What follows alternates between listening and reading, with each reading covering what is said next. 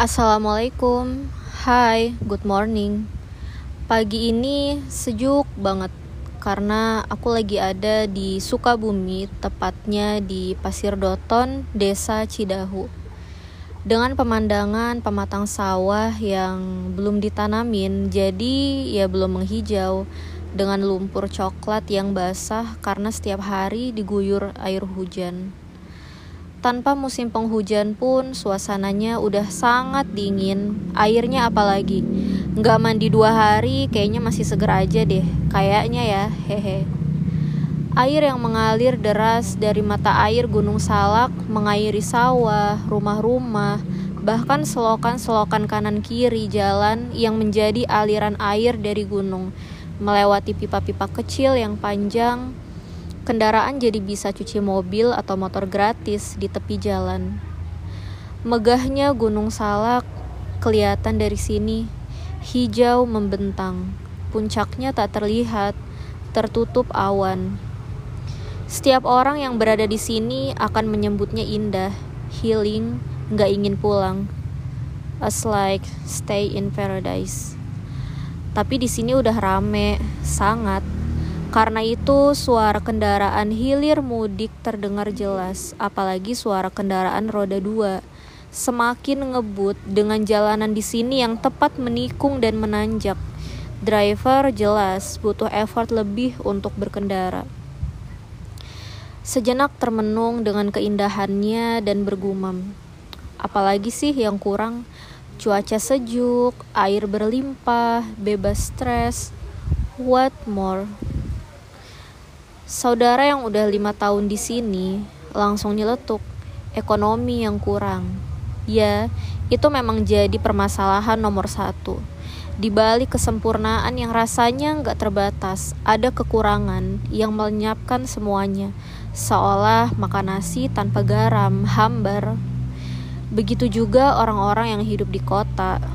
Mungkin sebagian mengira lebih mudah untuk dapat mata pencaharian, banyak yang dibutuhkan orang, tapi kemudian bergumam lagi, ah stres di kota, setiap hari macet, harga sembako mahal-mahal, biaya hidup mahal, dapat makanan yang fresh susah. Ya, dari sini aku belajar, manusia memang sering kali fokus pada kekurangan, kesusahan, dan hambatan. Tapi sebenarnya ini jadi peluang untuk mereka yang kreatif, mau berinovasi, mau menyediakan solusi untuk manusia.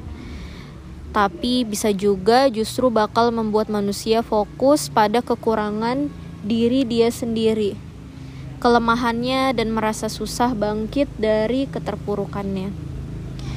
Untuk kamu yang masih menunggu sempurna untuk berkreasi atau melakukan sesuatu, masih merasa belum cukup ilmu, modal, keterampilan, percayalah bahwa nggak perlu menunggu sempurna untuk memulai sesuatu. Karena yang penting adalah mulai.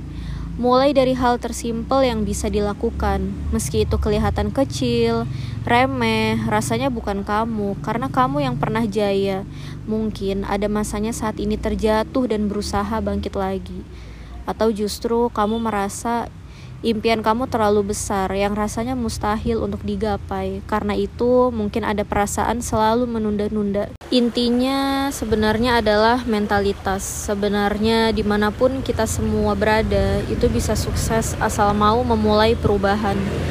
Baik di apa yang dibutuhkan sekitarmu. Kalau kamu peka pada masalah mereka dan menciptakan solusi, sudah pasti kamu bakal dibutuhkan. Hmm, dari Sukabumi ini aku melihat dari sekian banyak cerita tentang kesusahan masyarakatnya, kejahatan yang mungkin timbul karena minimnya pendidikan dan lagi-lagi karena masyarakatnya yang kurang sejahtera. Tapi ada segelintir kisah mereka, orang-orang yang mau berusaha membuat solusi untuk masyarakat dengan cara yang menyenangkan.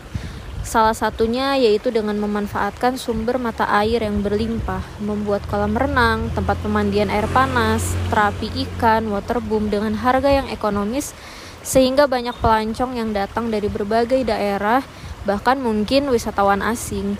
Dan lebih banyak lagi dari situ pedagang-pedagang kecil yang sejahtera berjualan di sekitarnya karena dibukanya objek wisata itu.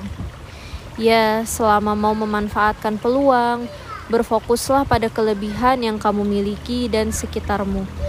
Tarik segala macam kebahagiaan dan kesejahteraan, meskipun kamu berada di lingkungan yang kurang menguntungkan saat ini. Semangat seperti judul buku Napoleon Hills yaitu Think and Grow Rich. Berpikir dan menjadilah kaya.